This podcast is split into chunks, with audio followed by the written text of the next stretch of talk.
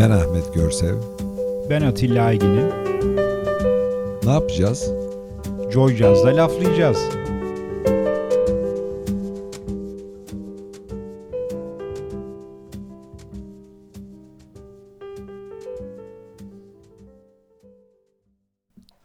İyi akşamlar sevgili laflayacağız dinleyicileri. Ee, Atilla Aygen'in e, evinde bir misafirimiz var. Kırmadı bizi geldi. Aa, on parmakta on marifet. Konular çok derin. Birçok yere gideceğiz. Fotoğraf var, resim var, var oğlu var artık. Öyle değil mi Atilla? Evet kesinlikle öyle. Ee, bu akşamki konuğumuz sevgili Banu Aykın Köylüer. Ee, bizi kırmadı geldi. Teklifimizi kabul etti. Eli de boş gelmedi. Güzel bir sanat eseriyle bir Galata Kulesi ile geldi. Bizi çok mahcup etti. Banu, çok hoş çok geldin. teşekkürler. Hoş bulduk. Hoş geldin. Fakat ben Banu Aykın diyeceğim. Çünkü biliyorsun ben kadınların evlendikten sonra senelerce taşıdıkları soyadın üzerine başka şeylerin yüklenerek bir evlilik soyadını taşımaları daha sonra herkese nasip olmuyor. Herkes boşanamıyor kolay kolay. Ömür boşandıktan sonra da o soyaddan kurtulmaya çalışıyorlar. Sen kadınların evlenmesine karşısın. Karşıyım abi ben. Beşiktaşlıyım. Güzel. Banu Aykın, hoş geldin. Hoş bulduk. Önce- Üniversite soyadım. Değişik geldi ama duymak Evet. güzel. Bir Düşünsene üniversiteye kadar Banu Aykın diye geliyorsun. Sonra bir anda dünya tersine dönüyor. ben Başka bir şey bırakamadım zaten. Tabii, bırak. Tutuyorum onu kenarda. Tabii ki. Tabii. Güzel güzel evet. Tutmak lazım. Boğaziçi kimyalan gireceğiz. Evet yine her zaman yaptığımız gibi Sonra- eğitim hayatıyla girelim. Nereden Sonra çıkacağımız artık belli bilmiyoruz evet. O bakacağız. Evet, dinliyoruz. Evet, e, Boğaziçi Kimya maceram, maceram diyorum çünkü e, bir soru daha fazla yapsaydım İstanbul Üniversitesi elektronik gibi bir hata yapacaktım ve muhtemelen şu an üniversite mezunu olamayacaktım. İstiyordun yani mühendislik. Ee, mühendislik Yazdın bizim istedin yani. Tercihler aslında e, şu anki e, aklımla baktığımda geriye dönüp gerçekten çok bilinçli tercihler yapmıyormuşuz o zamanlar. Yani hani neye yatkınlığımız varsa işte başarılıysak ya da işte alabileceğimiz puan belliyse ona göre tercih yapıyormuşuz. Ama kimya benim ilk şanslı e, kaderimdeki diyeyim ya da yolumdaki diyeyim ilk şanslı durağım oldu. Çünkü çok severek okudum. Çok güzel bir bölümde okudum. Boğaziçi Kimya çok özel bir bölüm bence. Hocaları çok kıymetli, çok değerli ve hiç kopmadım da. Hala üniversitemin her bir hocasıyla e, görüştüğüm, ettiğim, böyle gidip laboratuvarlarını kokladığım e, bir yer oldu benim için. Ay ne güzel. Ne kadar güzel, evet. Şans. Hakikaten yani o çünkü okuduğunu hakikaten isteyerek okuyan çok az maalesef bizim ülkemizde. Sen de şanslı Evet. öğrencilerden biri olmuşsun. Yani buradaki şans bence e, akademik kadronun o zamanki eğitim felsefesiyle alakalı. Ben şimdi eğitime döndüm sonra. Hani kimyayı bu kadar severek okudum ama kimyagerlik çok az süre yaptım.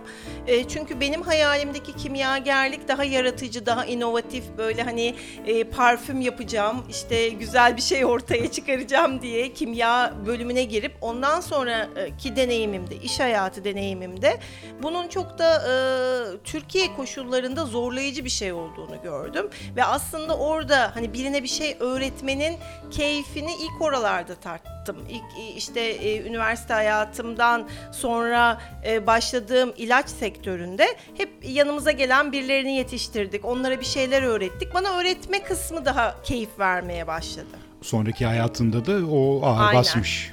Evet o ağır kadarıyla bastı. evet. Evet. Güzel. Ama yine de dönüp baktığımda o kimya eğitimini iyi ki almışım. İyi ki o bölümde e, okumuşum. O hocalarla e, bir arada olma fırsatını, onların deneyimlerini paylaşma fırsatını yakalamışım diye kendimi şanslı hissediyorum. Yani hiç pişman hissetmiyorum. Başka bir bölümde okusaydım bu bağını olmazdı diye Süper düşünüyorum. mühim olan da o evet. Ya zaten sevdiği şeyi yapabilme şansı. Bizim zamanımızda Atilla, aa, üniversiteye girerken şimdiki gençler kadar çok kararlı değildik. Ne istediğimizi bilmeden okuduk birçoğumuz. Ee, evet yani, yani maalesef. bir puan tutturuyorduk ve işte o puana göre rüzgar bazı sana şeyler nereye moda esiyorsun, oluyordu. Moda oluyordu. Evet. İşte mühendislikti sonra Hep mühendise ve doktora kız verirlerdi. oldu. Ben de hiç evlenemeyeceğim diye korkardım hep. Sen istisna evet istisna olarak algılıyoruz seni. Ee, peki Banu sonra ne oldu? Yüksek lisans evet, falan var. master var. Sonra ne oldu? Aslında sonrasında hemen yüksek lisans gelmedi. Sonrasında dediğim gibi ben e, 98'de Temmuz'da mezun oldum. E, Ağustos'ta işe başladım. Ya Çok- bir ilaç sektörü diye bir İlaç şey okudum. sektörü. Çünkü ben de ilaççı olduğum Aynen için. ilaç sektöründe başladım. Orada bir e, e, analistlik deneyimim oldu. Hep böyle cihazlarla, teknolojiyle işte o ilaçları analiz etme, kalite kontroldeydim. Ha, bir, aha, bir, bayağı, Tabii, tabii. Bir, bir laboratuvar. Orada bir laboratuvarı, her türlü ilaç e, fabrikasının her departmanını görme şansım oldu. Banu peki ilaç sektöründe olmayıp da mesela kimyacı okuduk, kimya okuduktan sonra mesela çipuro yapabiliyor musun? Atilla şimdi çok güzel bir çipuro ikram etti bana. Vallahi ben kimyacı olduğum için söylemesi ayıptır. Bütün yemekleri çok güzel yapıyorum kimyacılıktan. e, chemistry is cooking felsefesinden yola çıkarak. Harika. Aklınıza gelen her türlü yemek ve hani e, e, vişne likörüm falan da böyle Oralara evdeki gireceğiz. fermantasyon. Dur dur dur dur. Oralara sonra gireceğiz. Evet, seni oralara seni gireceğiz. sallayacağız oralarda sonra. Evet evet daha daha çok vaktimiz var. Ne yapalım? Hemen bir müzik arası verelim. Verelim. Ee, çok yeni bir e, parça. Ee, Myanmar e, parçamızın ismi. Kimden geliyor Ahmet? Ee, Girls in Airport. Hep birlikte dinliyoruz. Gelsin bakalım.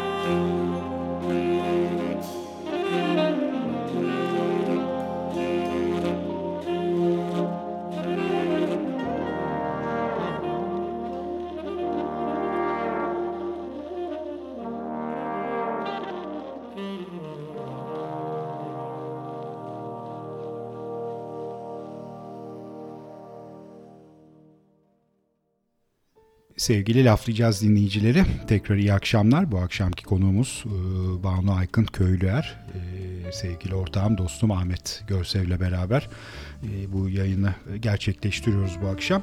Şimdi Boğaziçi Kimya dedik, sonra arada ilaç sektörü dedik ama benim bildiğim kadarıyla ilaç sektörü çok devam etmedi. Bir eğitim tarafı ağır bastı.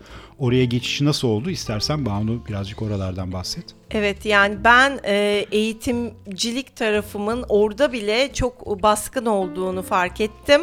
E, hep böyle birilerine bir şey öğretmek ya da birileriyle bir şey yapmak bana aşırı keyif veriyordu ve e, aslında dediğim gibi o yaratıcılık kısmını bulamamıştım ben e, ilaç sektöründe.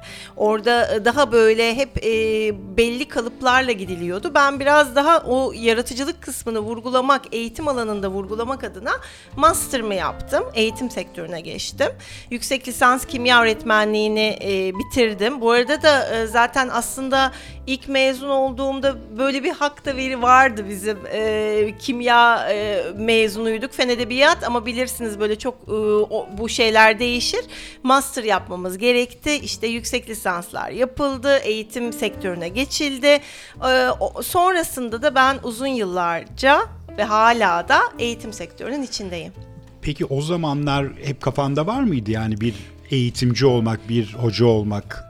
Aslında şöyle vardı. Ben üniversite hayatım boyunca da hep böyle e, bir dersler veriyordum. Hatta geriye dönüp baktığımda, düşündüğümde lisede bile başlamıştı. Ben hep arkadaşlarım gelirdi, anlamadıkları konuları bana sorarlardı, öğretirdim, anlatırdım ve çok da keyif alırdım. E, o yüzden aslında içimde olan bir şeydi. Hiç yeni olan bir kıvılcım değildi. E, kolay bir geçiş oldu ve keyifli bir süreç oldu. E aslında şans, şanslısın çünkü Türkiye'de toplumun yüzde doksanı hiçbir konuyu anlamıyor. Dolayısıyla çok öğreteceğin insan var yani. Yani hoca evet Banu gibi öğretmenler, eğiticiler, eğitmenler lazım tabii ki.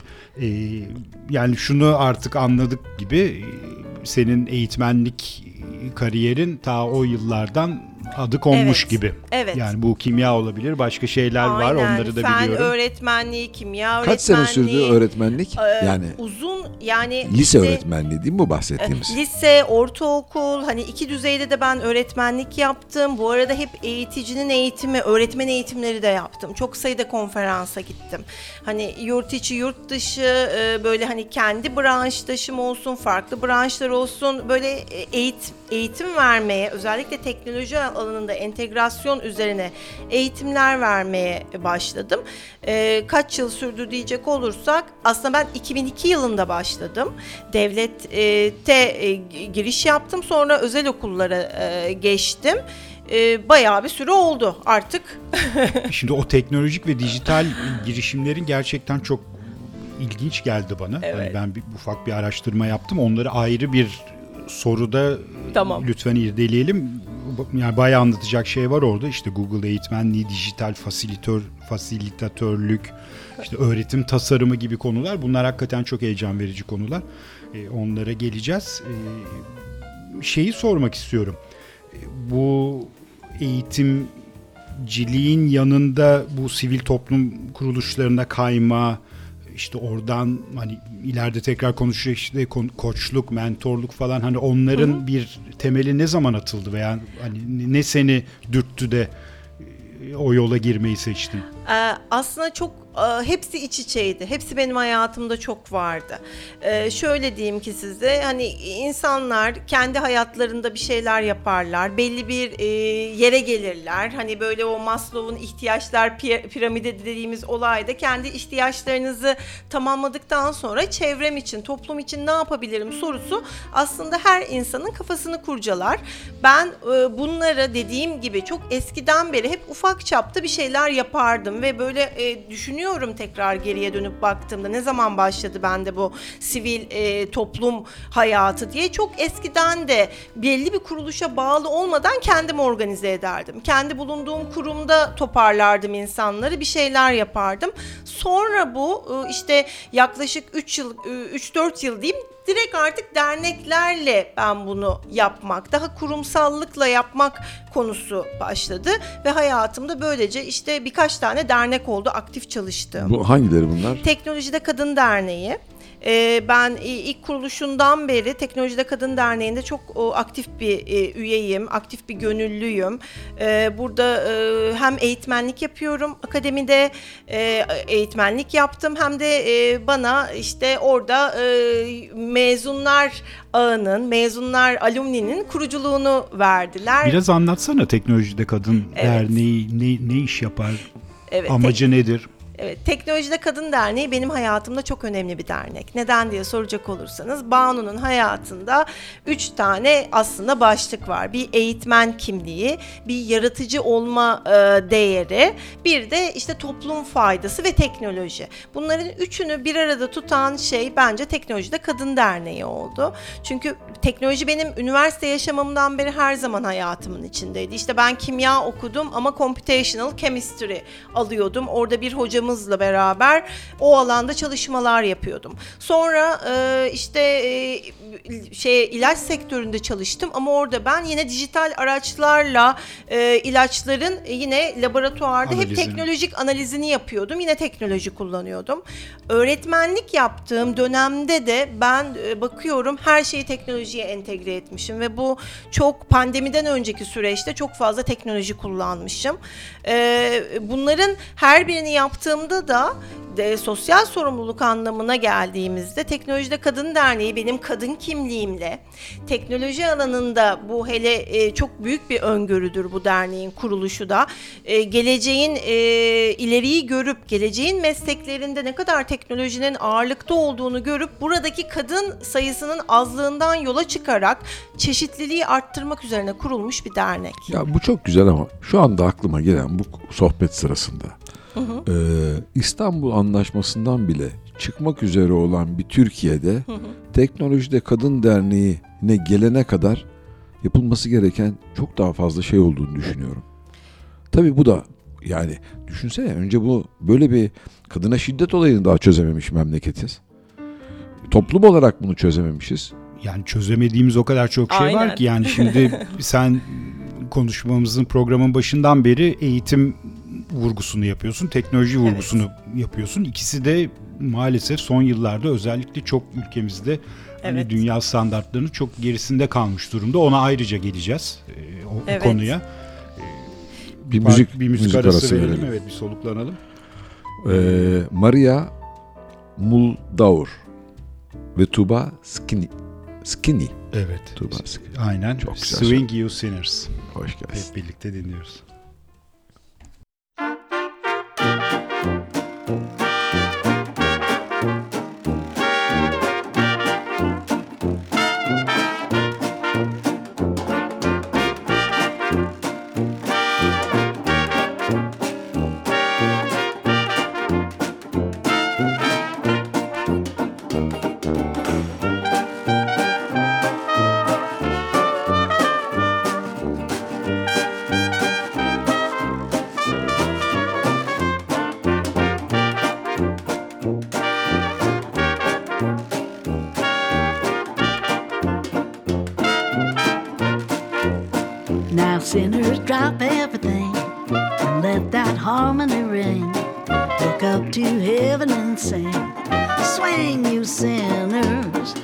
Just wave your arms all about and let the Lord hear you shout. Just pour that music right out. Swing, you sinners. Mm, whenever there's music, that old devil kicks. He don't allow music down by the river Styx, so you're wicked and you're depraved, and you've all misbehaved. But if you wanna be saved, swing, you sinners. Swing, that's the thing to do. Swing when things trouble you. Swing and you can't be blue. It's good for you. Swing no matter what they say. Swing if it's not all day. Swing,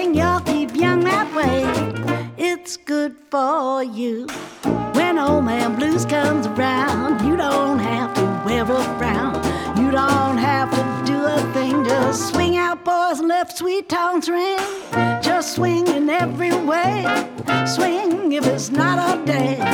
Y'all keep young that way. It's good for you.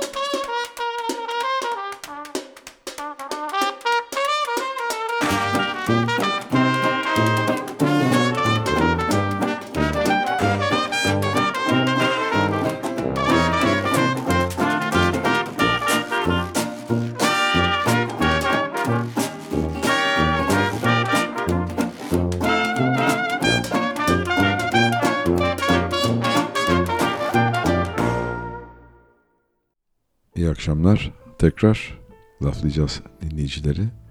Banu Aykın misafirimiz. Atilla Aygin'in sevgili dostum ve ortağım bütün müzikleri seçimi yaptı ve aynı zamanda bütün evinde bizi misafir etti. Aa, kadına şiddet ve İstanbul Anlaşması'nı reddeden bir toplumda teknolojik eee, bilgi içine kadını çekmekten önce yapılacak işler mi var diye sohbetimize bir müzik arası vermiştik. Ne yapacağız peki?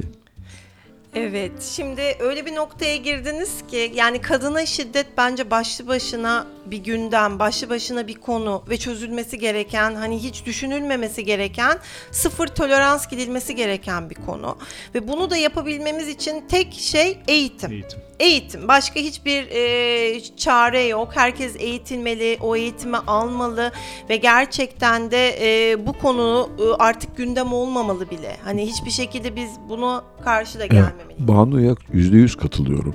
Hatta Atilla bilir, Banu bunu bilmiyor ama şimdi anlatayım böyle çok kısa bir parantez açıp. Ee, ben bir fotoğraf sergisi yapmıştım. Bu fotoğraf sergisinde e, geliri fotoğraf sergisinin Açev'in kız çocukların eğitimine bağışlamıştık. Bir, bir benim te- olmayan bir telefon çalıyor galiba. Evet bizim evin telefonu Evet, evet, çalıyor. telefon. 40 yılda bir çalar ama olsun. Evet, güzel çalıyor. Ee, bu eğitimin şeyi e, geliri bütün e, kız çocuklarının 40 tane kız çocuğun bir senelik eğitimine. Çünkü Harika. önce kız çocukları eğitilmeli. Çünkü anneler geleceğin nesillerini eğitiyorlar. Hem kız hem Harika. erkek olarak. Böyle bir Evet O senin yüzden- o o projeni çok biliyorum. O da çok kıymetli Evet. bir proje. Ben burada müsaade ederseniz biraz derneğimizin e, misyonunu anlatmak Evet, isterim. tabii ki. Çünkü adı Teknolojide Kadın Derneği olduğu için bizim sadece teknoloji alanındaki kadınlara hita- e, e, hitap ettiğimiz zannediliyor. Bu Doğru. aslında e, Bunu açalım o zaman. Evet, onu biraz açmak istiyorum. Biz ne yapıyoruz dernek olarak? Bizim e, çok değerli gençlerimizi üniversiteden mezun olmuş, ne, ne yapacağını bilemeyen, hangi işe gireceğim, ben bunu okudum ama ne yapmalıyım? Hele demin bahsettiniz aslında kaç yıl öncesinde ben tercihlerimi yaparken e, ya da bizim zamanımızda bilinçli tercihler yoktu. Biz e, önce tercihlerimizi yapıyorduk, sonra sınava giriyorduk ve yerleştiriyorduk. Günümüzde sistem değişse bile maalesef hani sadece İstanbul olarak düşünmeyelim Türkiye'yi. Bizim Türkiye'nin her yerinde farklı alanlarda eğitim e, gören, bilinçli ya da bilinçsiz sistem alanına yönlenmiş ve mezun olduktan sonra işe nasıl gireceğim, ben nasıl hangi e, şekilde aktaracağım diyen çok da bilinçli olmayan e, genç kesimimiz var maalesef. İşte bizim haklılar da Aynen. bunlar kimse yol göstermiyor çünkü. Herkes Ya el yordamıyla iş yapıyor. Şimdi orada iki tane sorun var benim görebildiğim. Bir tanesi senin söylediğin, ikincisi yani bizde maalesef eğitim artık hani nitelikten ziyade nicelik üstüne kurulu bir sistem. İşte yani biz ne kadar çok üniversitemiz var, işte her şehirde bir üniversitemiz var, ondan övünüyoruz ama işte ben hani tıp fakültelerine bakıyorsun, hocası olmayan 8 tane tıp fakültesi var Türkiye'de evet yani her eğitim ben şuna gelmek istiyorum. Sen dedin işte kadına şi- şiddet işte İstanbul Anlaşması falan hani bunları tabii ki eğitimle aşacağız ama eğitimin de bir kaliteli ve arkası dolu bir eğitim olması lazım. Kesinlikle. Hani bunu nasıl sağlayacağız onu kesinlikle. orada karamsarım valla. İşte biz de o noktada dernek olarak bu gençlerimizi alıyoruz ve tekrar onların o yeteneklerini, becerilerini sistem alanında eğitim görmüş ve sadece kız öğrenciler değil. Biz e, dernek olarak da yüzde seksen e, kız öğrenci, yüzde yirmi erkek öğrenci diye Çok kota iyi. koyuyoruz. Eşit aslında bizim amacımız çeşitliliği sağlamak. E, çünkü bizim e, gördüğümüz şey şu, kızlar mühendislik okusalar bile iş hayatına girdiklerinde ya da fen alanında okusalar bile onu çalışmıyorlar. o alanda evet. yapmıyorlar ve burada ciddi bir kayıp oluyor. Yüzde onlarda yüzde yirmilerde kalıyor bu sistem alanında çalışan kadın oranı. O kadar düşük ki biz onu yükseltmek Yazık, adına evet. tekrar onların becerilerini ve sektörün ihtiyaçlarıyla farklı alanlarda çok güzel çeşitli eğitimler sunuyoruz. O eğitimlerle onları donatıyoruz ve iş e, Hazır işe, hale geliyorlar. aynen işe yerleştirme süreçlerini de yürütüyoruz ve Oo. böylece gençleri sektöre kazandırıyoruz. Peki, Süper. peki harika. Çok güzel bunlar ama size nasıl ulaşacaklar? Bize nasıl ulaş- ulaşacaklar? Bu çok basit. Bu arada şunu söyleyeyim bize nasıl ulaşacaklar? Vitek platforma CV'lerini bula- bırakacaklar. Gençlerimiz STEM alanı mezunu olacaklar. Genellikle işte dördüncü sınıf öğrencileri ya da yeni mezun öğrenciler. Hani hedef kitlemiz bunlar. Kız ya da erkek öğrenci dediğim gibi çok fark etmiyor başvurular için ama %80'e 20 kontenjanımız var ve bütün eğitimlerimiz ücretsiz. Nereye başvuracaklar? Vitekplatform.com Tamam. Tamam. Vitek platform. Nokta com. Nokta. Sosyal medyadan takip edebilirler, bizlere ulaşabilirler. Biz onları çok güzel yönlendiriyoruz. Zaten ben orada e, Vitek mezunlarının şu an 200'e yaklaştı. 2 yıllık bir derneğiz ama yaklaşık 200 e, gibi bir mezunumuz var. E, çoğu çok iyi yerlere, işlere yerleştirildiler e, ve e, bu eğitimi de ücretsiz aldılar. Ay, bir anda böyle farklı bir Evet, çok ülkedeymişiz güzel. gibi oldu. Aynen aynen. Evet ferahladı. böyle evet sanki İskandinav ülkesinde falan gibiyiz. Şey yapalım. Ee, biz sosyal medyada programı paylaşırken derneğin Tabii ben en paylaşayım azından sizinle. Instagram şeyini de paylaşalım. Paylaşalım. Çok teşekkür Ee, ederiz. Adresini de paylaşalım. O zaman gelsin. Stella by Starlink. Spike Wilner Trio'dan gelsin.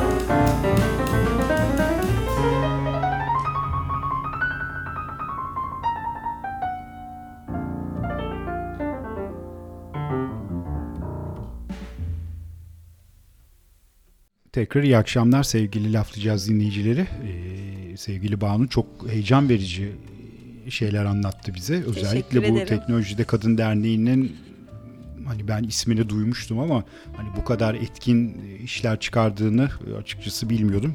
Gerçekten tebrik ediyoruz ve hani başarılar diliyoruz. Çok önemli bir, bir kulvarda iş yapıyorsunuz. Teşekkürler. Şimdi biz hep şunu söylüyoruz Ahmet'le programlarda işte gençler üniversiteyi okuyorlar, e, bitiriyorlar, bir, bir hayat engamesi içine giriyorlar. İşte bir takım hobiler edinmeye çalışıyorlar. İşte edineni var, edinmeyeni var ama e, o kadar çok yapacak şey var ki Türkiye'de. Yani Türkiye bazı şeyleri hala çok aç.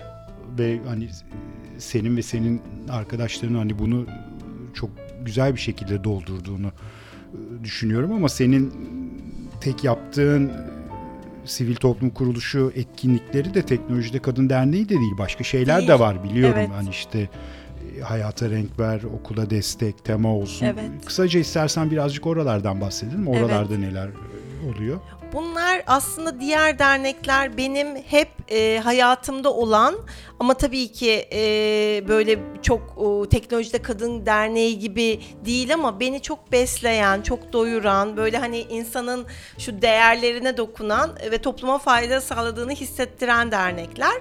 Hayata renk verle başlayayım. E, çünkü ilk o girmişti hayatıma e, bu pandemi döneminde. Benim çok sevgili bir arkadaşım, hobilerden bahsedeceğiz belki biraz sonra ama benim bu cazla alakalı bir arkadaşımın gönüllü olarak çalıştığı bir dernekti.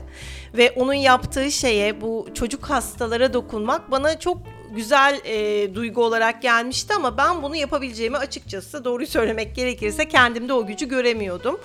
Çünkü e, çocuk hastalarla bir arada hastaneye gidiyorlardı. Onlar etkinlikler yaptırıyorlardı. E, işte psikososyal destek sağlamak amaçlı e, gönül tamamen gönüllü bir çalışmaydı. Pandemi girdikten sonra benim bu teknoloji alanındaki yetkinliğim ben bu derneğe bir şey katkı sağlayabilirim ile başladı ve e, dernekte gönüllü olarak online sosyal e, destek ile çalışmalarına başladım. Sonra da kendi ekibimi kurdum. O, o dernekte bir birim kurduk. E, yaratıcı Süper, dijital süper, fikirler diye. Herkesin şöyle bir derdi var. Ya gün yetmiyor. Evet. Yetişemiyorum. Halbuki e, sevgili Banu ne kadar çok şey yetişiyor. yani evet Aa, dolayısıyla yani ben o yetişemiyorum yahut da gün yetmiyor hikayesini artık kimseden dinlemek istemiyorum. İnsanın o kadar çok vakti var ki. Uykudan çalın kardeşim az uyuyun. Banu uyuyor musun sen bütün bunları Ben yaparken? uyuyorum. Ee, ben şundan çalıyorum. Söyleyeyim. Ee, televizyondan çalıyorum. Ben Mesela- 8 senedir seyretmiyorum. Evet, ben de seyretmiyorum. Ee, insanlar çok fazla televizyonda vakit e, harcıyorlar. Ee, mesela bana soruyorlar hangi diziyi seyrediyorsun falan. Ben de o yok. Mesela öyle nasıl bir ya konu siz Survivor falan açarsanız. seyretmiyor musunuz şimdi? Yok. ben, Ben- de o yok. Şimdi tabii e, mesela soruyorlar e, insanlara işte ne yapıyorsun diye. Bu diyor ki mesela ben televizyonda şunları şunları seyrediyorum. Aslında bunları tutup içeri atmak lazım. Çünkü uyuşturucu kullanıyorlar. Bu tabii tabii en büyük uyuşturucu En büyük televizyon. O, o diziler şeyler evet. Bu kadar kanal boşuna yapılmadı bu memlekette. Evet. Herkes uyusun. Orada e, hayata renk verdi. Birbirinden kıymetli üniversite öğrencilerinden oluşmuş ve e, üniversite öğrenciliğini de aşmış yine böyle genç yetişkinlerden oluşmuş 14 kişilik bir ekibim var. Bunlar canla başla çocuk hastalara Türkiye'nin her yerinden tabii ki çok fazla sayıya ulaşamadık şu an ama bizim böyle birdenbire çok fazla sayıya ulaşmak gibi bir hedefimiz de yok. Çünkü güvenlik, çocukların her türlü hakkını da önemsediğimiz için onlara sanat, işte bilim, farklı konularda e, Bunların hepsi hastalıkları- online oluyor ama değil mi şu Online, anda? Evet. Online kalktığı gün ben gelip fotoğraf üzerine konuşma yapmak isterim. Aa çok mutlu oluruz. Evet. Evet. Ama ben böyle ekranın öteki tarafında deli gibi kendi Olsun. kendime konuşmaktan pek hoşlanmıyorum.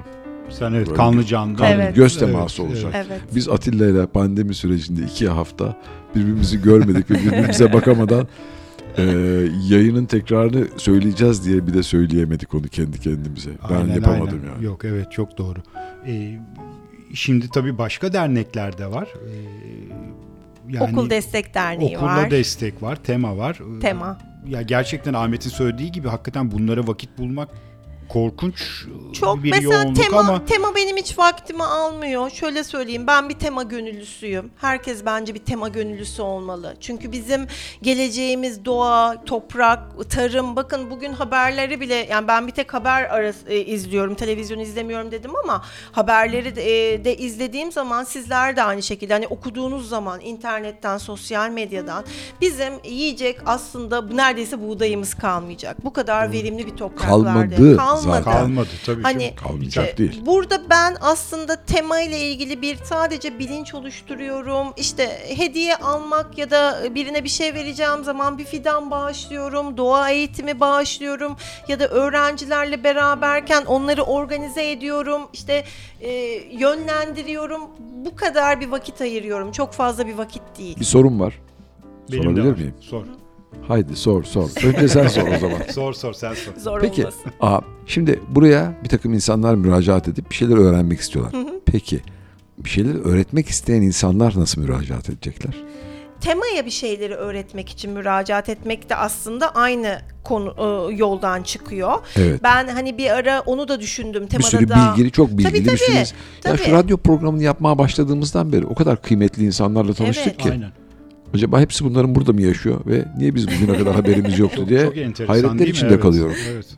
Ben temada sadece gönüllü olarak dışarıdan her zaman destek oluyorum. Derneğin o kadar iç kısmında e, destek olmuyorum. Ama bir ara o yola da girdim. Hani bölge tema temsilcisi oluyordum. Sonra düşündüm. e, burada mı daha faydalı olurum, başka bir yerde mi diye. O, o, o alana gitmedim. Ben e, işte mesela okul destek kendimi yetkin gördüğüm alanda bence öyle olmalı aslında. Sade bu soru temayla alakalı değildi zaten. Bu soru genelde senin destek gösterdiğin yerlerde bir başka destek gösterebilecek erişkin insanlar, bireyler de Biz gelip nasıl orada yardımcı olabilirler? Bunun için kimle temas kuracaklar? Bunun için temas kurmak çok basit. O dernek yani şu an teknoloji dünyasındayız. Hı hı. Herkes teknoloji kullanıyor. Yani iyi ya da kötü, az ya da çok köydeki çocuk bile eğer bugün bir okula ulaşıyorsa teknoloji akıllı telefonuna ulaşmak zorunda. Ya, Akıllı telefonum yok girecek. diye alışveriş merkezine giremedim Evet. geçen gün. Evet. Yani şu an her şey Telefon benden daha kıymetli. döndü. Seni başka şeyden sokmamışlar. İnternetten bu derneklerin sitelerine girdikten sonra çok üyelik, gönüllülük bunların seçenekleri mevcut. Bu şekilde hepsine e, ulaşılabiliyor. diyorsun. Peki ben yani Ahmet'in sorusunda aslında o birazcık benim sorumdan çaldı ama Haberim olmadı. bu yani bu STK'lar gerçekten çok kıymetli işler Evet. yapıyorlar ama ya maalesef ben ülkemizde hak ettikleri desteği de görmediklerini hatta köstek gördüklerini şahit olduğum çok oldu. Evet. Yani bunu nasıl aşacağız? Yani ne yapmak lazım bunun için? Yılmadan çabalayarak, çalışarak e, ve gerçekten emek vererek aşacağız. E, STK'larda e, bilgimizi ve birikimimizi as- e, aktardığımızda orada gerçekten geniş bir alan var. Yani ben STK'nın gücüne çok inanıyorum. Ee, orada çalıştığımız e, ko- şeyler, e, komisyonlar, çalışma grupları her biri birbirinden değerli ve gönüllü insanlardan oluşuyor.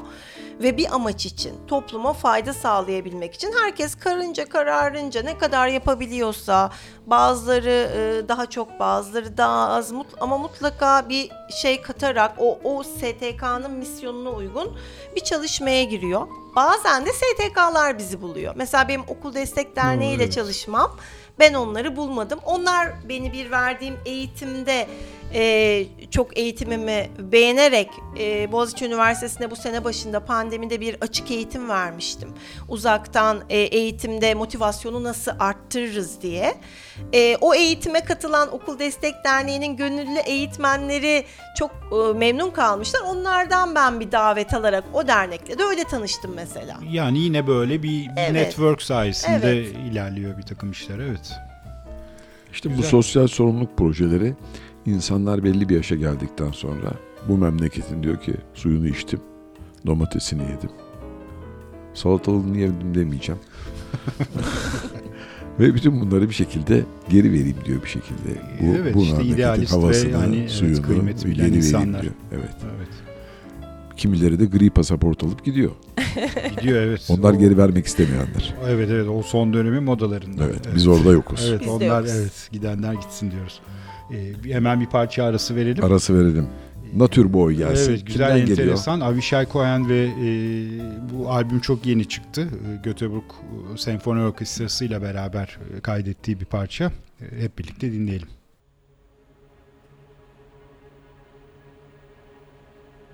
There was a boy, a very strange, enchanted boy.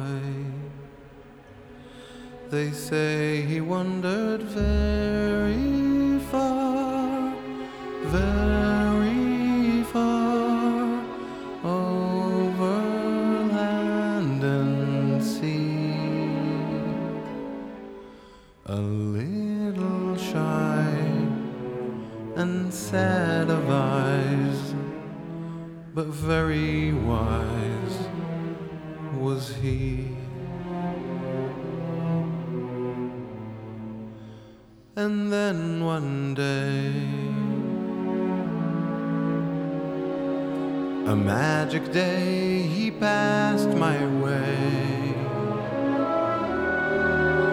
And while we talked of many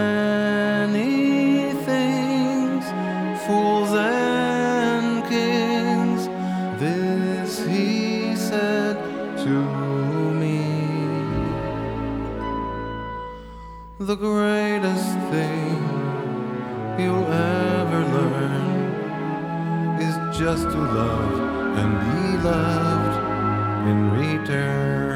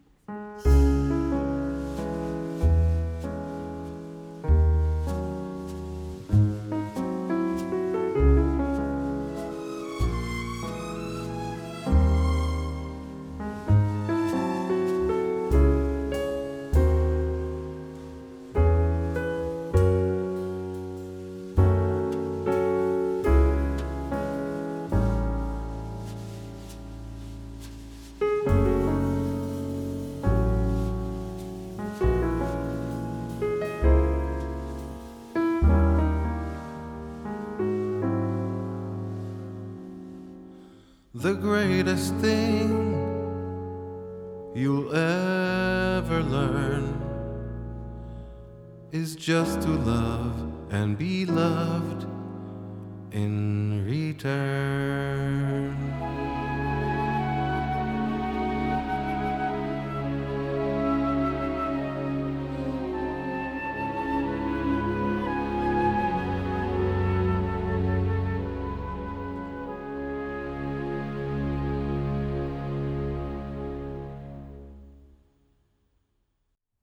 Akşamki misafirimiz Banu Aykın.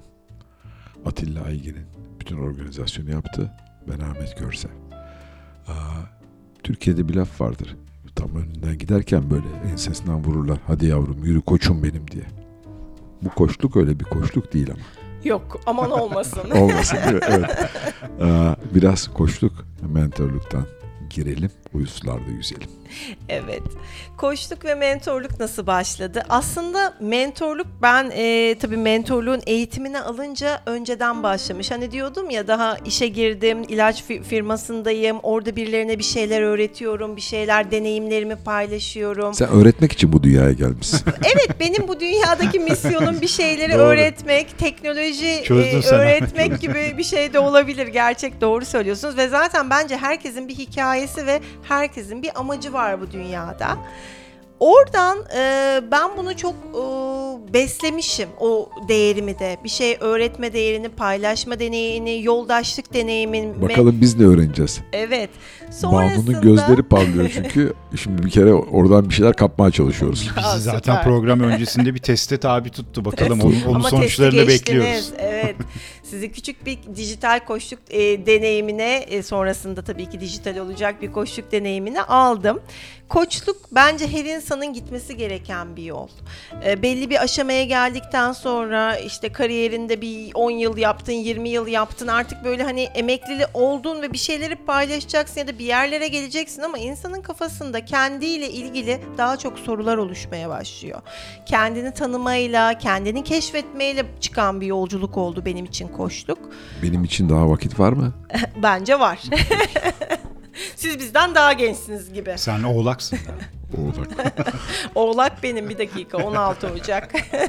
Gerçek bir oğlak var. 16 Ocak. Benim oğlumun da doğum günü 16 Ocak. Aa süper. Evet. Buradan Demin duyurulur ona tanıştık. göre kutlamaları yapalım bundan evet, sonra. evet. Kutlayalım. Ee, koçluk dediğim gibi güzel bir yol ve herkesin geçmesi gereken bir yol. Çünkü koçluğun temelleri aslında insanda, her insanda olması gereken beceriler.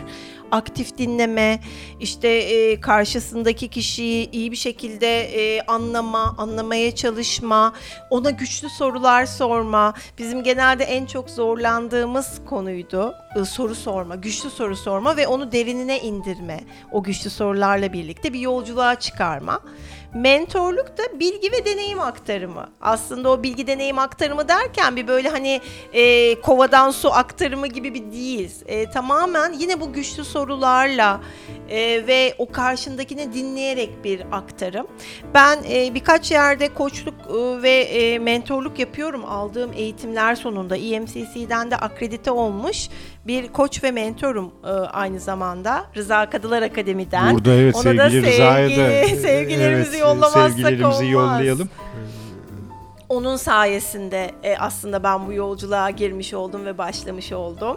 Kendimi kötü hissediyorum. Buraya her gelen bir plus bir şeyler yapmış durumda. Belki siz de bundan sonra yaparsınız. Ben bir anlatayım. Daha gençsin ama senin yolun, yolun, yolun var uzun daha. Yolun uzun. Peki. Evet, güzel ve keyifli bir yolculuk oldu bu eğitim. Ee, hem koçluğu içselleştirmek anlamında, öğrenmek anlamında. Çünkü hani koçluk sizin dediğiniz gibi de, siz tabii espriyle yaklaştınız ama piyasada da gerçekten çok yanlış bilinen, Çok, bilinen evet, bir evet. meslek. Ee, bir meslek dalı aslında ve gerçekten emek verilen, ciddi e, akademik çalışmaların, araştırmaların ürünü olan bir meslek dalı ve onu doğru şekilde tanıtmamız gerekiyor. Ben bunu düşünüyorum. Şimdi çok doğru bir noktaya değindin. Yani herkes koç bu, bu ara.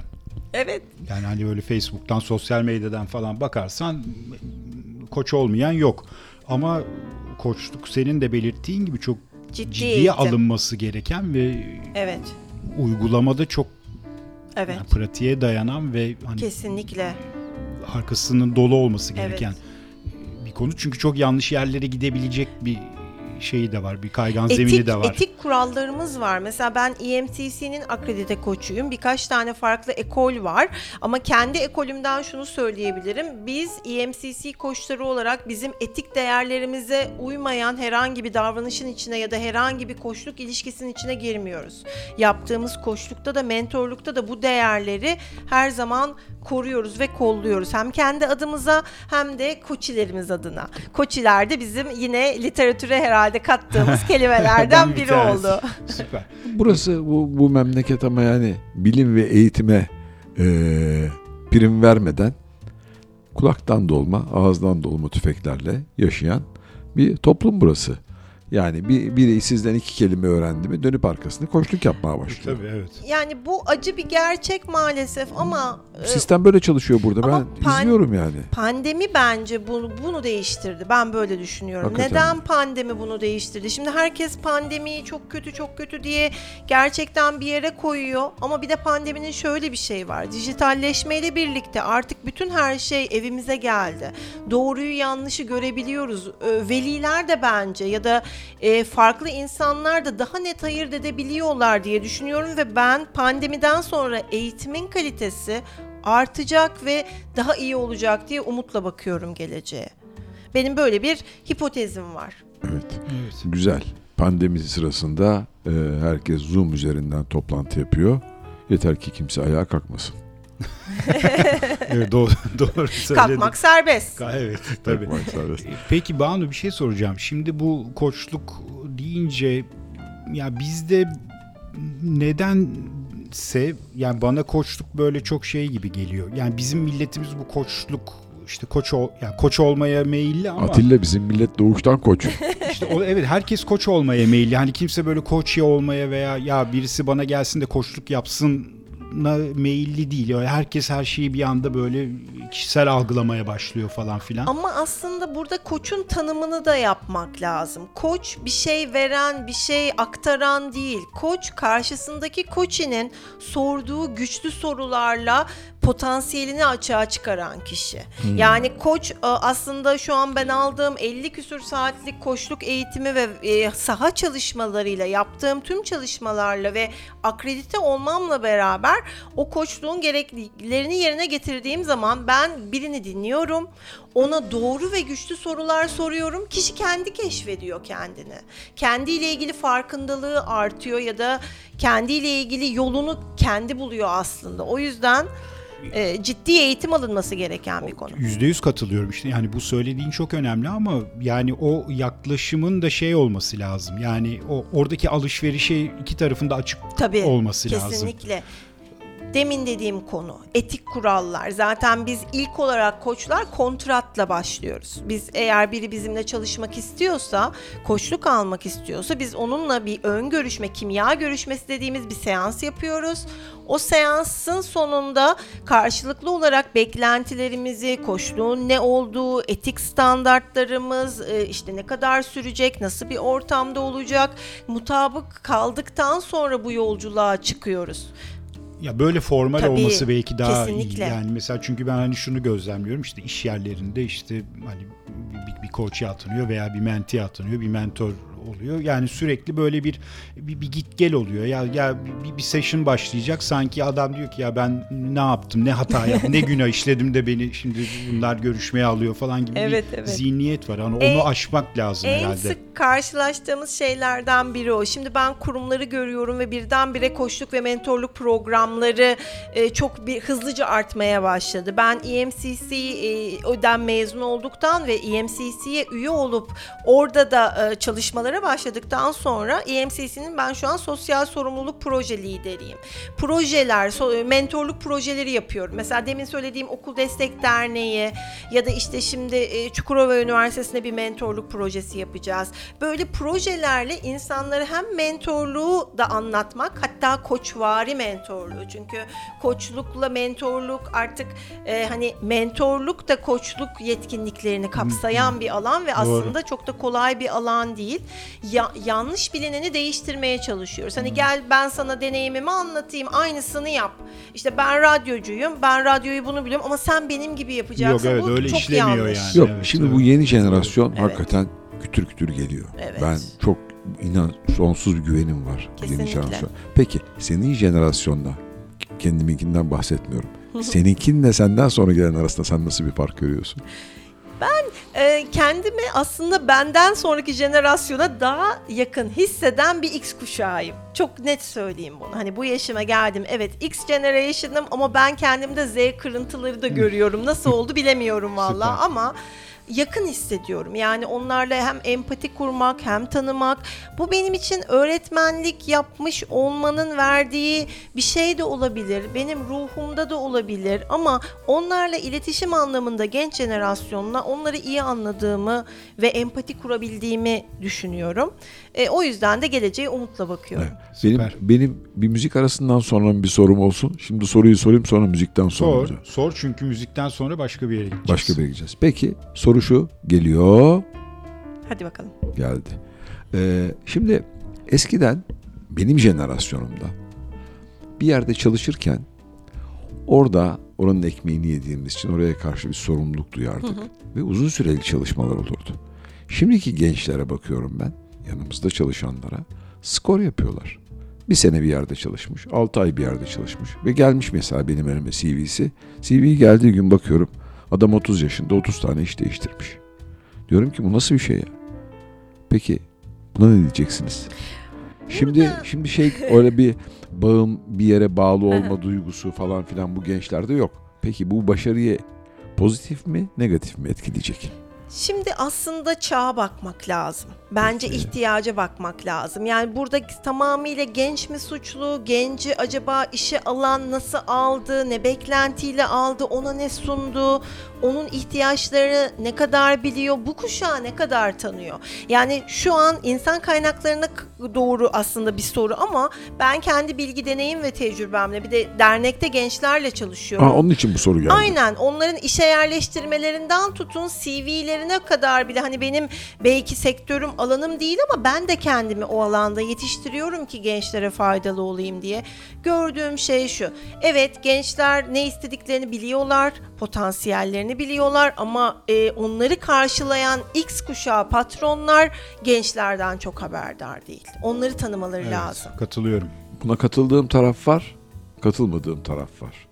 Katılmadığım taraf şu. Eskiden bir şeyi öğrenmek üzere bir yere girilirdi ve orada kilometre yapılırdı. Şimdiki gençler maraton koşmak derdinde değil, 100 metre koşmak derdinde. Yani bu tabi genelde ülke kültürüyle alakalı bir şey. Öyle bir kültür empoze edildi ki herkes bir an evvel köşeyi dönmeye çalışıyor. onları suçlayamayız. Çünkü bu doğdukları düşünün hani şu an genç dediğimiz kes, kesim 20 yıldır e, nasıl bir Türkiye'ye doğdular. Yani Evet. son İşte yaşadığımız evet. nerede yaşadılar, neleri gördüler, onların rol modelleri kim? lazım. Yani ben e, orada biraz gençleri e, gençleri anlayabiliyorum. İkinci olarak da ben benim çözüm önerim var ama hani ben kimyacıyım. Burada kimyanın en sevdiğim yanı I am a chemist, I have a solution for everything. Evet. Her Çok şeye bir çözüm süper. önerim var. Onu da söyleyeyim isterseniz. Evet, evet. Çözüm önerimde gençlerin erken yaşlardan itibaren sosyal sorumluluk çalışmalarıyla belli şeyleri sahada öğrenmeleri, belli becerileri. Böylece sadece üniversiteden mezun olup işe girmek değil, bir şeye nasıl emek verildiğini, nasıl bir şey ortaya çıktığını ve topluma nasıl katkı sağlayabildiklerini de erken yaşta keşfederlerse girdikleri iş hayatında da daha uzun soluklu kalırlar ve hedefleri de daha net olur. Çünkü sosyal sorumluluk çalışmaları çok fazla beceri katıyor. Doğru. Harika. Katılıyorum. Evet. Parça arası Evet nefeslenelim. yapalım evet. Çünkü hani Banu'yu nasıl konuşturacağız derken şimdi ben nasıl susturacağız diye bakıyorum. Göz göze geliyoruz ama hiç öyle bir şey niyeti yok.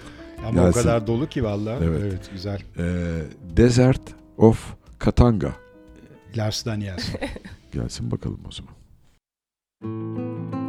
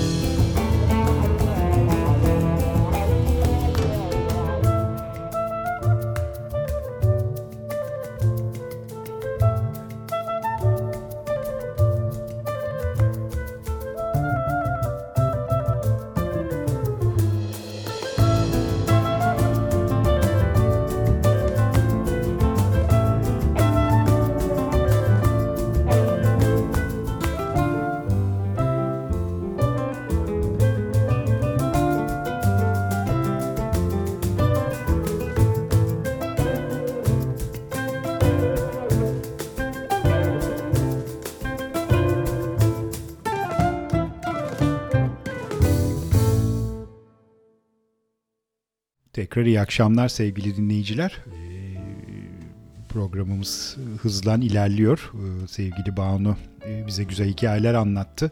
Eğitim hayatından girdik, e, STK'lardan çıktık ama şimdi bambaşka bir e, yöne doğru hareket edeceğiz. Ahmet parça arasında dedik ya on, on parmağında on marifet dedin ama daha anca beşini altısını duyabildik dedi. O Evet. zaman ben hemen Ben Ahmet'in gideyim o zaman. Ahmet'in e, restini görüp Restini görüp altıncı parmağa geçelim. evet altıncı parmağa geçiyoruz. Müzik diyorum. Gerisini senden dinliyoruz. Evet. Müzik ilkokuldan beri hatta geçen gün ilkokul arkadaşımın doğum günüydü. Bu Facebook'un en çok hatırlatma şeyini seviyorum. Bizim bir sahnede resmimizi ne cesaret biz üç kişi ilkokul birinci sınıf şarkı söylüyoruz mikrofonla. Yani gerçekten cesur bir şey. Hep benim hayatımda vardı. Hiç Ahmet dikkat edersen hiç yabancılık çekmedik mikrofona. Evet. İlkokuldan beri mikrofonla ki evet, evet. Ama sonrasını bakın değişik gelecek. Öyle hani hep mikrofonu elinde olan bir insan değil. Hep kor- korolardaydım. Yani müzik kollarındaydım. Kendimi bildim bileli hep koroda şarkı söylüyordum. Ta ki üniversiteye kadar. Üniversitede herkes boğaz içinden şarkıcı olarak ya da işte böyle star olarak çıkarken ben üniversitede hani o muhteşem bölümümde e, sadece laboratuvar ve arkadaş ve hoca gördüm. Hiç sosyal faaliyette bulunmama imkan yoktu çünkü kimya bölümü Çünkü çok yoğun. çünkü Ağır. kimya laboratuvarında mikrofon yok. Yoktu. Yok evet. Balon jojeyi tutuyorduk falan Evet, ama orada test tüpleri vardı, test evet. tüpler vardı. Yani gerçekten ben geriye dönüp baktığımda hani üniversiteyle ilgili keşke şunu da yapsaydım dediğim tek şey herhalde üniversitede de müzik faaliyetlerinde olmaktı ama bölümüm gerçekten çok yoğun ve ağır olduğu için o sırayı es geçtim. Sonra tabii araya işte çalışma hayatı çok yoğun. işte çocuk bir Ayberk oğlum var 17 yaşında. O evlilik falan Oo. giriyor derken ben 40'ından sonra tekrar ben korist olacağım diye e, yine Boğaziçi'li bir müzisyen arkadaşımın önerisiyle Senin şimdi Başladım. hakikaten 17 yaşında çocuğun mu? evet Ben buraya bir not Beş- almıştım. 5 yaşında doğurmuş olsa Evet, bir çocuk oğlan çocuğu diye yani herhalde o kadar küçüktür ki oğlan çocuğu demişim yani buraya. yok yok peki 17 Allah bağışlasın. sağ Bu- olun. bir şey duydum böyle arada kulağıma geldi. Boğaziçi caz korosu. Evet. Evet. Ne güzel geliyor kulağa Evet, değil mi? çok güzel Çok geliyor. güzel. Onu O zaman onu dinleyelim. istersen. Aslında Boğaziçi Caz Korosu'nun magma performansı e, sol- e, altosuyum ben. Ondan önce ama caz e, çal- korosunda da e, yine küçük e, bir Cambora gençle onu hiç kesinlikle adını anmazsam Selam olsun buradan. Aa, buradan selam, Selam olsun. İlk caz da benim. Hani gerçek anlamda caz ve caz klasikleriyle çalıştığım çok küçük cep sahnede bir e, koromuz vardı. Orada biz caz söylüyorduk ve bildiğiniz caz klasikleri çalıştırıyordu bize Can Bora. Ondan sonra ben e, o kısım, o sayfa bittikten sonra hani hangi koro olmalı? Çünkü müzik bir daha çıkmayacaktı hayatımda. En sevdiğin kesildi. kadın caz şarkıcısı hangisi? Aa, söyleyeyim mi? Sara mı, Ella mı? E, aslında ben ikisini de çok seviyorum ama Ella. Ella. Evet. Doğru yani. cevap. Ben Evet. doğru. Bizim e, old school Levent Parman var. Buradan kulakları çınlasın. Çınlasın evet. Evet. O da tercihini öyle kullanır. Evet. Elacığım. Evet, elacıyız o zaman hepimiz. Evet. Ee, sonrasında işte Boğaziçi Caz Korosu, Masis'le e, tanışma ve orada Magma Performans'ta e, koro çalışmalarına devam etme. Yani çok keyifli bir yolculuk. Süper. Şu anda hala var mı? Bu dönem es verdim. Bu dönem tamamen kendimi STK'ya adadım. Şundan dolayı pandemide evde koro çalışmak çok zor. Hele online koro çalışmak çok zor. Onlar- Çalışmamak gibi bir şey. Yani onlar güzel bir düzenek kurmuşlar. Çok güzel yapıyorlar bu işi. Online'da da çok e, iyi adapte ettiler. Bizim ses çalışmalarımız olsun, repertuar çalışmalarımız olsun oluyor. Ama e, bir evin içinde işte o şar- yani ses açmak ya da e, çalışmak ve 17 yaşında üniversite hazırlığına başlamış bir gencin olduğu bir evde takdir edersiniz ki biraz zor. Seni Herhangi- klonlamak lazım. Evet. Bir tane Herhangi bir şey çaldın mı sen? Enstrüman mı? Evet. Enstrüman çok küçük yaşlarda çalıyordum. Kendi kendime işte orklar, melodikalar falan öyle şeyler. Sonra bir ara yine bu cep sahnede Barış Bahçeci benim sevgili arkadaşım perküsyon atölyesinde bir perküsyon cembe gibi bir şey çok hafif ama diyeyim. Yani çaldım diyemem. Genelde ben söylemek iyi seviyorum. Atilla'nın çok bu işte şeyi vardır, hünerleri vardır hiç. Aa, Söylemez. Söylemez. Yok Süper. ya bizde. Gırtlağını sıksan söylemez. İçeride odanın bir tanesi tamamıyla klavyeli çalgılarla dolu. Kaç tane klavyeli çalgı var Vallahi içeride Atilla? ya saymadım ya. Harika. 20'nin üzerinde klavyeli Vardır. çalgı var. var. 20'nin üzeri. 29'a kadar gidebilir yani. 20'nin Oo, üzeri. maşallah harika severiz. Bir ara yaparız beraber bir şeyler. Süper. Ee, peki şimdi ya ara verdim dedin ne olacak sonra? Tekrar başlayacağım. Başlayacağım. Çünkü muhteşem bir projede ara verdim. Senfonik bir e, çalışma yapıyorduk. Hmm. Bir kere prova yaptık ya bir ya da iki kere. Yani orada biz hepimiz hayran olduk. Yani o provada yani e, çok güzel bir duygu. Hele koroda şarkı söylemek bambaşka bir şey. Yani kendi başına söylemek gibi değil. Orada bir topluluk olma, e, insanlar birbirine bağlanıyorlar. e, Ciddi bir stres atıcı, e, Mutlaka. çok güzel bir e, Müziğin ortam. her, her çeşidi Evet. şahane. Evet. Şimdi başka bir sorulara götüreceğim. Miles Davis diyeceğim. Aa. ne var onunla alakalı hayatında? Miles Davis e, benim hayatımda şöyle var. İşte hani ben şunu seviyorum. Belki fark etmişsinizdir. E, ben e, disiplinler arasını çok seviyorum. Yani bunu e, hayatıma içselleştirdiğim için sevdiğim şeyi de eğitime, öğretime katmayı seviyorum. Nedir benim sevdiğim? Müzik, işte caz müzik e, ya da işte e, farklı dallar. Bir şey konuyu öğretirken ondan esinlenmek çok keyif verdiği için Miles Davis'le de işte Vitek Akademi'deki eğitimlerim, Caz ve liderlik. caz ve liderlik. Evet o çok hoş bir Evet. girişim. Yani o onun ne var arka planında? Onun arka planında şu var. E, caz, birincisi cazın hikayesi var. Orada işte caz müziğinin doğuşu olsun, işte o, o isyan da var orada, hayatın içinden olmak da var. E, pek çok şeyi barındırıyor ve ama improvizasyon dediğimiz, şu doğaçlama dediğimiz olay var. Yani bizim şu anki becerilerden çeviklik dediğimiz, kıvraklık dediğimiz ya da yönetimsel beceriler dediğimiz en büyük becerileri aslında caz müzisyenleri hayatlarında bunu başarmışlar. Bizim Çok. programda öyle bir şey hissettin mi? Bu burada da hissettim. Burada da her şey doğaçlama. Her şey. Tam bana Aynen. göre. Doğrusu, yanlışı, herkes birbirinin gözüne bakarak. Bazen Atilla'nın sorularını gözüne bakarak çalıyorum. Sıkıntı Süper, yok. Gayet süper. güzel. Ne yapsık? Gelelim mi bir parça arasına? Evet yapalım güzel bir parça gelsin. Ee, Elian Elias'tan bir, bir hobim bestesi. Fotoğrafya. Dinliyoruz.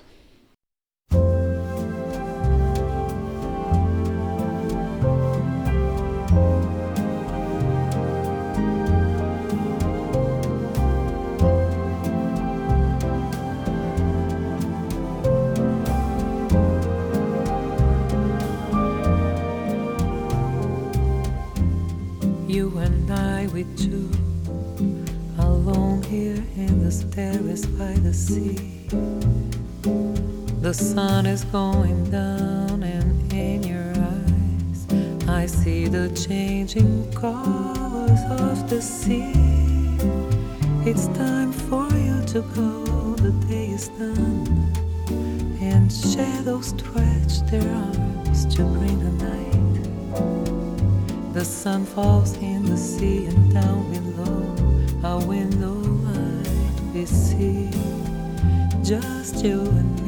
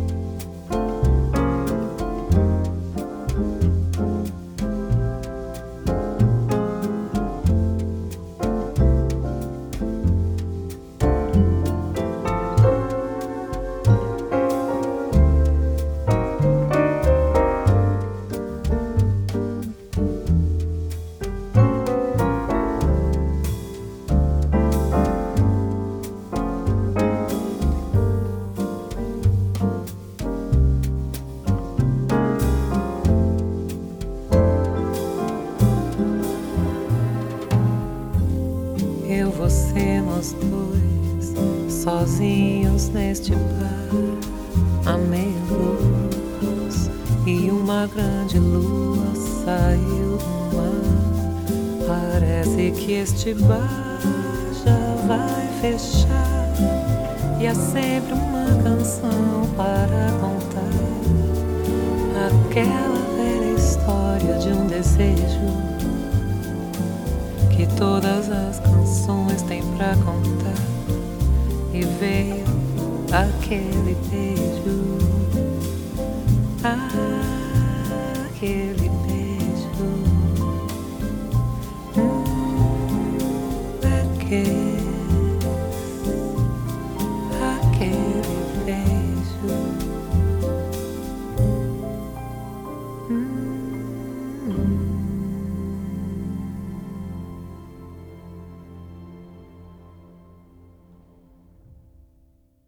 Sevgili laflayacağız dinleyicileri, e, maalesef bu akşamki programında yavaş yavaş sonuna geliyoruz. E, Hala aklımızda e, sevgili Banu'ya soracağımız birçok soru var ama e, bunları da bir şekilde filtre etmek durumundayız. E, Şimdi ben açılışı yaptığım için ilk soru hakkı bende diyorum Ahmet. Evet buyurun lütfen. Şimdi ilgimi çeken çok e, enteresan bir konu var senin konuştuklarından yakaladığım kadarıyla bu dijitalin eğitime entegre edilmesi e, konusu e, sanki hani böyle geleceğin konusu gibi yani aslında geleceğin konusu değil bugünün konusu ama maalesef bizim ülkemizde bu çok hep gelecek gibi e, Benim için addediliyor. geçmişin konusuydu aslında. Senin için geçmişin konusu hani bizim için bugünün konusu ama bir türlü de hani bunu şey yapamıyoruz. Hayata Evet, geçiremiyoruz. kesinlikle. Yani neler yapmamız lazım bu konuda bir, bir- birazcık yol alabilmek için. Evet. E, eğer e, eğitimciyseniz ve öğretmenseniz ya da herhangi bir alanda birine bir şey öğretmek istiyorsanız e, elinizdeki tüm imkanları kullanmak istersiniz. İçinde yaşadığımız çağda teknoloji olunca bunu kullanmamak ya da herhangi birinin kullanmaması, buna karşı çıkması kaçının e, kabul edilebilir bir şey değildi. Yani bu konvansiyonel eğitim yani bizim aldığımız eğitimin artık işe yara ya işe yaramıyor demeyeyim ama farklı bir yere evrildiğini düşünüyorum. Şöyle söyleyeyim hani sizin aldığınız eğitimle size sorsam eğitim hayatınızdan neler var aklınızda ne kaldı? Mesela buradan baktığımızda bir duyguyla ilgili şeyleri daha çok söyleyeceksiniz. Hani e, çok uzamasın diye ben e, size cevap vermeden belki bunu şey yapıyorum. E, bir de gerçekten e, size dokunan hocalar aklınıza gelecek, duyguya dokunan hocalar aklına gelecek. Bir de konu olarak baktığınızda gerçekten öğrendiğiniz çok az şey gelecek. Ama bizim istediğimiz aslında o verilen eğitimden maksimum performans, kişinin alabileceğinin en üst düzeydeki şeyi alması ve öyle çıkması olduğuna göre demek ki bizim kullandığımız yöntemlerde bir şeyler değişmeli. Geçmişteki klasik yöntemlerle verdiğimizde çok çabuk unutulan aynı fast food tarzı eğitim diyeceğim ben ona. Hani çok çoğunlukla test odaklı, e, anlık işte ya da bir aylık, iki aylık ya da bir yıllık. Bir yılın sonunda o sınavı geçtikten sonra akılda çok fazla bilginin kalmadığı. Ama bu sistemle ilgili bir şey. Evet, kesinlikle. Sistemle ilgili.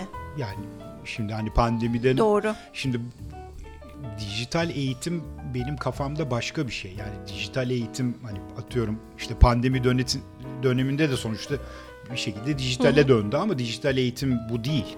Dijital eğitim değil zaten. Aslında burada yine verilen dikkat edersek şimdi e, bazı e, şeyler için genelde televizyonda bir konuyu anlatmak aslında bu çağın yine eğitim vizyonunda bir şey değil. hani tabii öncesinden bir farkı yok. Biri yine geçiyor karşınızda bir şeyi E anlatıyor. tabii yani sadece bir ekrandan Aynı veya şey. bir internetten seyrediyor olmak dijital aynen, anlamda gelmiyor. Sınıfta öğretmenin merkezde olup öğrencinin pasif olduğu, akranıyla işbirliği yapmadığı ya da işte bir şey üretmediği, ortaya farklı bir boyut çıkmadığı, gerçek hayata dokunulmayan hiçbir şey çağımızın eğitimi değildir diyorum ve ben bunu yeni söylemiyorum. Bunu ta çok öncelerden, pandemi öncesinden yani belki 10-15 yıl kadar geriden söylüyorum. Yani bu yolda da çok şanslı olduğumu düşünüyorum.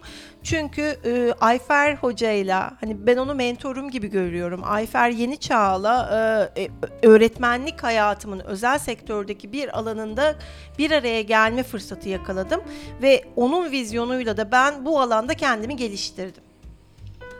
Peki Ahmet izinle son sorumu soruyorum sonra Böyle boynumu da hafif büktüm bekliyorum. Yani. Yok yok sana da söz vereceğiz merak Peki. etme. Biz ülke olarak ne yapmalıyız? Yani bundan sonra bu arayı kapatmamız yani biraz hani karamsar olacak ama çok mümkün gözükmüyor ama hani bir- ilme kazanmak için ne yapmak lazım? Yani şimdi mesela uzak doğu ülkelerine bakıyorum. Yani onların çok ciddi anlamda aldıkları bir yol var. Hani biz bizim neyimiz eksik diyorum yani açıkçası.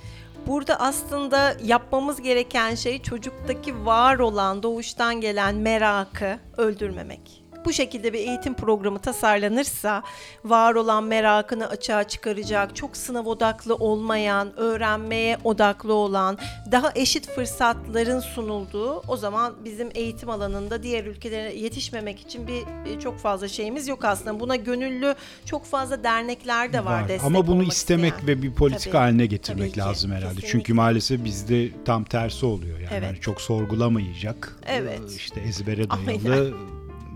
Yani hiç istenmeyen bir Çocukken nokta. şöyle bir şey aklımda kalmış mesela benim. Onu hatırlıyorum böyle bir cümleleri. Bir yere giderdik. Gittiğimiz yerin çocuğu yaramazlık yapardı. Ve annesi şöyle derdi. Evladım hiç sesini çıkarma. Koltukta otur. Akıllı ol. Yani çocuk sorgulamadan, sesini çıkarmadan oturması onun ondan istenen bir şeydi.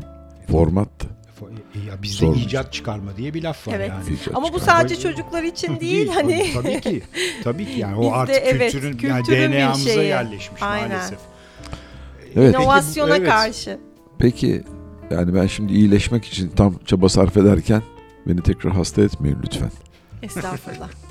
Sanatın iyileştirici gücünden bahsedelim. Ay evet sanat e, sanatın iyileştirici gücü aslında Bütün bütün demincek böyle bir sohbet arası yaptık. Bunu izleyiciler tabii şu anda duyacaklar. Ben onlardan önce duydum. Doktorlara yurt dışında evet eee, sanat eğitimi veriyorlar. evet Çünkü daha güzel iyileştirirdi. Doktorlara yurt dışında sanatı zorunlu bir eğitim olarak veriyorlar ve onların hastalarla empati kurmasını, daha iyi anlamasını, daha e, duygusal bağlarını da kurabilmesini sağlamak için. Yani sanat aslında ülkemizde bile e, eğer gidip e, gördüyseniz ya da baktıysanız bilmiyorum bizde de tıp müzelerine e, mesela Edirne'de var bir tane tıp müzesi. Evet. Ben orada gezmiştim. Hoş bir yer orası. Evet, çok güzel bir yer. Yani evet. çok kimse bilmez orayı. Ben bayağı bir inceleyerek gezmiştim. Orada enstrümanlarla, Müzikle müzikle, terapi, terapi. müzikle Su sesiyle iyileştirme. terapi Aynen Evet. çok güzel Aynen. şeyler Gittiğim var. Müziğin makamlarına göre her müziğin işte bizim Türk musikisinin farklı makamlarının farklı hastalıklara iyi, e, iyi geldiği falan gibi böyle çok bilimsel e, kaynaklar da var. O Zaten Türk zamandan musikisi dediğimiz Evet. Bizans dini olmayan Hı hı. müziklerin Evet. üzerine Aynen. kurgulanmış bir yapı. Evet. Bizans müziği dediğin zaman herkes a Hristiyan müziği falan halbuki öyle değil. Türk musikisinin altyapısı dini olmayan Bizans müziğinden Evet. geliyor. Evet yani müzik dediğimiz şey sadece müzik değil görsel, resim hepsi iyi geliyor insana. Birincisi e, stres atmasını sağlıyor. Stresini atması için e, işte onun e, böyle e, nörotransmitterler diyeceğim hani kimyasına dokunuyor. Aklıma ne geldi biliyor Ve- musun şimdi Banu bunu Evet. söyleyince? Arabaya bir tane mesela Rembrandt resmi alayım. Böyle adam bana küfür Çok edince severim. camdan Rembrandt resmi göstereyim. Acaba Evet. faydası olur mu? Bana Ka- kafa- olabilir. kafa Monet ve. Rembrandt bana olur. Çok severim. kafa atarlar. Kafa da Rembrandt'a kafa atar. Aynen aynen. Tablona olan olur. Peki Banu senin bir de sanatçı kimliğin var. Sanatçı şapkan var. Bana Birazcık da sanatçı ondan bahset. kimliği demeyelim. E vallahi yani bize getirdiğin güzel hediyenden ben Evet, öyle demek istiyorum. Birazcık belki vardır ruhumda biraz. Hani belki ileride çıkacaktır. Çünkü bir sanatçı olabilmek için ona çok emek vermek gerekir. Ben e, burada sanatı kolaylaştırıcı olarak kullanmayı daha çok seviyorum. Dijitali de sanatı da. Bir şeyi Dijitali de oraya e- Aynen. entegre etmişsin. Ettim evet. zaten. Do- dediğim gibi dijitali de hayatımdan çıkaramıyorum. Bir dijital e, yetkinliklerim var. Ama o daha bir yolun başı. Ben baktım o şeye. Ee, Tabii sen farklı gözle Evet. Farklı Sanatçının gözden yanında. Evet. şimdi bana Tabii biz E, hayır. Estağfurullah demeyeceğim Sanat ama yani tüketicisi olarak o baktık. yolun başı ama sonunda onun gideceği bir yerlerde var. Işık Ay, var teşekkür yani. ederim. Çok iltifatı aldım, kabul ettim. Teşekkür ederim. Ben ben bir iyileşme şeyine girdim bak. Yoluna girdim. Süper. Evet, bir seans aynen. Bu- yaptım bu, çünkü program size. sana yaradı. Sanatın iyileştirici gücü gerçekten biz bunu hayata renk verdi de yapıyoruz. Oradan söyleyebilirim. Birebir deneyimlediğim çocuk hastaları üzerinde psikososyal destek dediğimizde sanatı, hatta bilimi, işte müziği onların hayatlarına kattığımızda gerçekten e, tıbbi araştırmalar da bunu gösteriyor ki çocuklar daha hızlı iyileşiyorlar ve iyileşmek için sebepleri oluyor. Gelip yetişkinlere bizlere baktığınızda ben şimdi korodaki arkadaşlarıma bakıyorum. Biz 16 yaştan 60 yaşa kadar insanlar bir araya geliyoruz. Her pazar günü 3 saat koro çalışması yapıyoruz ve bundan aşırı mutlu olarak ayrılıyoruz. Ee, bunun sebebi de nedir? Oradaki bir arada olduğumuzda bize verdiği mutluluk. Orada bizden e, bizim vücudumuzda olan kimyasal değişimler bize bu hissi vermesi. Ee, bu nedenle ben sanatın iyileştirici gücüne çok fazla inanıyorum. Çok iyi bir noktaya geldi. Ben senelerce şunu gözledim. Minibüs şoförlerinin dinlediği müzikle kullandıkları araba şeklinin arasında çok büyük bağlantı var. Paralellik Korelasyon. var değil mi? Korelasyon evet. Evet, var. Katılıyor Çok yüzde iyi. yüz yani evet. Eğer şu tra- İstanbul trafiğindeki diğer şehirlerden bahsetmeyeceğim. İstanbul trafiğindeki insanlara farklı müzikler dinletseler inan bana trafiğin probleminin yüzde kırkı çözülür. Doğru. E, O zaman Evet. ama Beşiktaş'tan da Sarıyer'e bir buçuk saatte gidersin herhalde. Deniz yolunu kullanalım. Doğru. Ama deniz yolunda da bizim korumuz çıkabilir bir vapurda karşınıza. Öyle jestler, sürprizler Aa, ne kadar güzel yapabiliyorlar. bak. Şahane. Evet süper. Ee, evet. bir parça arası daha verelim kapanıştan Peki bu önce. bu şey e, Miles Davis dedik konuyu açtık. Aa, evet. Caz ve liderlik dedik. Evet orada kaldı. O, orada kaldık. Ha, onunla evet, ilgili, doğru, doğru, onunla evet, ilgili o- ne oldu? Evet, o evet. o sorunun cevabını alamadım Onun ben tam da. gidelim. Gidelim ben hadi. orada Miles Davis'in bu yönünü keşfettikten sonra işte Miles Davis hakkında biraz araştırıp onun felsefesini e, öğrendikten sonra gerçekten hani benim şu an günümüzde görmek istediğim liderlik tanımı çıktı ortaya. Kolaylaştırıcı lider, işte hatayı e, kucaklayan lider, Herkese kucak herkese açan lider. kucak açan lider ve doğaçlama yeteneğini de liderlik becerisine e, çık, e, eklemiş bir insan çıktı ve ben de bunu bir eğitimime aktardım. E, onunla böyle inovatif bir şey, sanatı, cazı ve üstüne e, 21. yüzyıl beceri- becerilerini kattığım bir soft skill eğitimi tasarımı yaptım.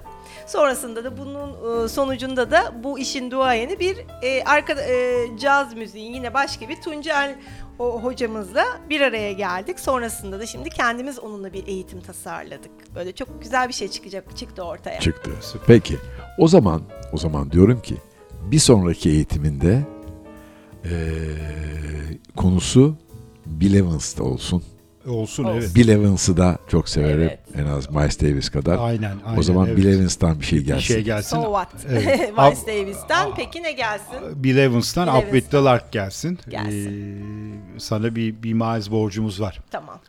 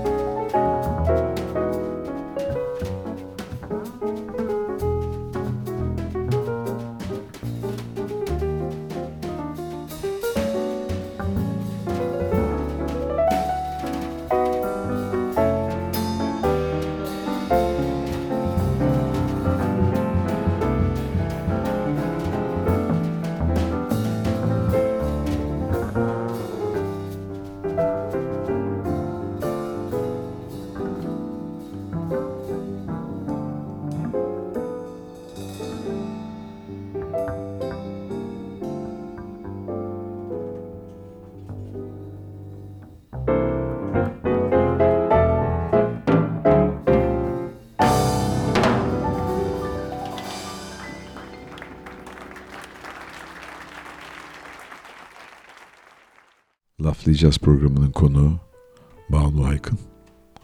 Bir de sonradan gelen Köylü Er var. Banu Halkın Köylü Er. Evet, sonradan geldi diyorum. Çünkü benim için Banu Aykın kıymetli olan kısmı asıl. Sanatın iyileştirici gücüne kadar geldik. Hepimiz iyileşmeyi ümit ediyoruz. Ee, buradan bu kadar ee, bu programın mottosu olan hep gençlerin kulağına bir kar suyu kaçırmak istiyoruz. Okulunuzu bitirdikten sonra hobileriniz olsun, hayalleriniz peşinde koşun. Hayallerin peşinde koşmanın da haricinde sizin aa, bir takım gösterdiğiniz adreslerin de peşinde koşarak bilgi sahibi olma şansları da oldu. Buradan gençlere ne söylemek istiyoruz? Kapanışı yapmadan evvel. Gençlere şunu söylemek istiyorum çünkü sürekli gençlerleyim. Onları çok yakından takip ediyorum ve birlikte bir şeyler üretiyoruz. Birincisi yaşam boyu öğrenmeyi bırakmasınlar. Hep öğrensinler. Öğrenme yolculuğu hiç bitmiyor. Öğrendikçe de kendilerini keşfediyorlar. Kendilerini keşfederken hep kendilerine soru sorsunlar. Güçlü sorular sorsunlar. Ve bu yolda da çok çalışsınlar. Hedeflerine gitmek için, yaratıcılıklarını açığa çıkarmak için ne gerekiyorsa potansiyellerini çıkarmak uğruna onun peşinden gitsinler diyorum. Ve gençlere güveniyorum. Teknolojide Kadın Derneği'nin de Vitek platformlarını özellikle sistem alanındaki e, kadın erkek hiçbir gencimizi ayırmıyoruz takip etsinler. Oradaki fırsatları da e, ücretsiz olan eğitimleri de alsınlar. Valla bundan sonra demesin ki kimse işte param yetmedi de onun için onu yapamadım bunu yapamadım. İşte her şey ücretsiz yapılıyor burada. İşte evet fırsatlar var ama e, yeter ki e, insanlar istesin. İstesinler. Genç özellikle gençler istesin, e, tembellik yapmasınlar. Evet. Banu Aykın'ın bir yolu var. Herkesin bir yolu var. Evet. Son parça. Son parça Nina Simone'dan e, My Way My Way geliyor. gelsin. Ama bana da sözünüz var. E, Miles Davis'ten de lütfen So What gelsin. Süper. O zaman bir değişiklik yapalım bu bu programda. Hepsi, hepsi üst üste gelsin. Evet, iki film birden gibi iki parça birden olsun. Çok teşekkür ediyorum. Banu çok çok teşekkürler. Ayağına sağlık, ağzına sağlık. Çok güzel e, şeyler Çok anlattın teşekkür bize. ederiz. Çok güzel işler yapıyorsun. Ee, Devamında da başarılar diliyoruz sana. Kolaylıklar diliyoruz. Teşekkür ediyorum. Çok keyifli bir yolculuktu bugünkü sohbet. Tadı damağımda kaldı. Misafirperverliğiniz, ev sahipliğiniz için tekrar teşekkür ederim. Teşekkür, Biz teşekkür ederiz. ederiz. Güler yüzün eksik olmasın. İyi İki geceler, parça üst üste. Bir alana, bir üst bedava. Evet. Hoşçakalın. Haftaya görüşmek üzere. And now the end is near, and so I got to face the final curtain. curtain. Friends, I'll say it clear and state my case, of which I'm certain. I've lived a life that's full. I've traveled each and every highway and more, much more than this. I did it my way.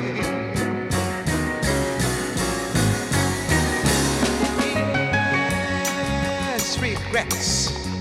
I've had a few, but then again, too few to mention. I did what I had to do and saw it through without exemption. I planned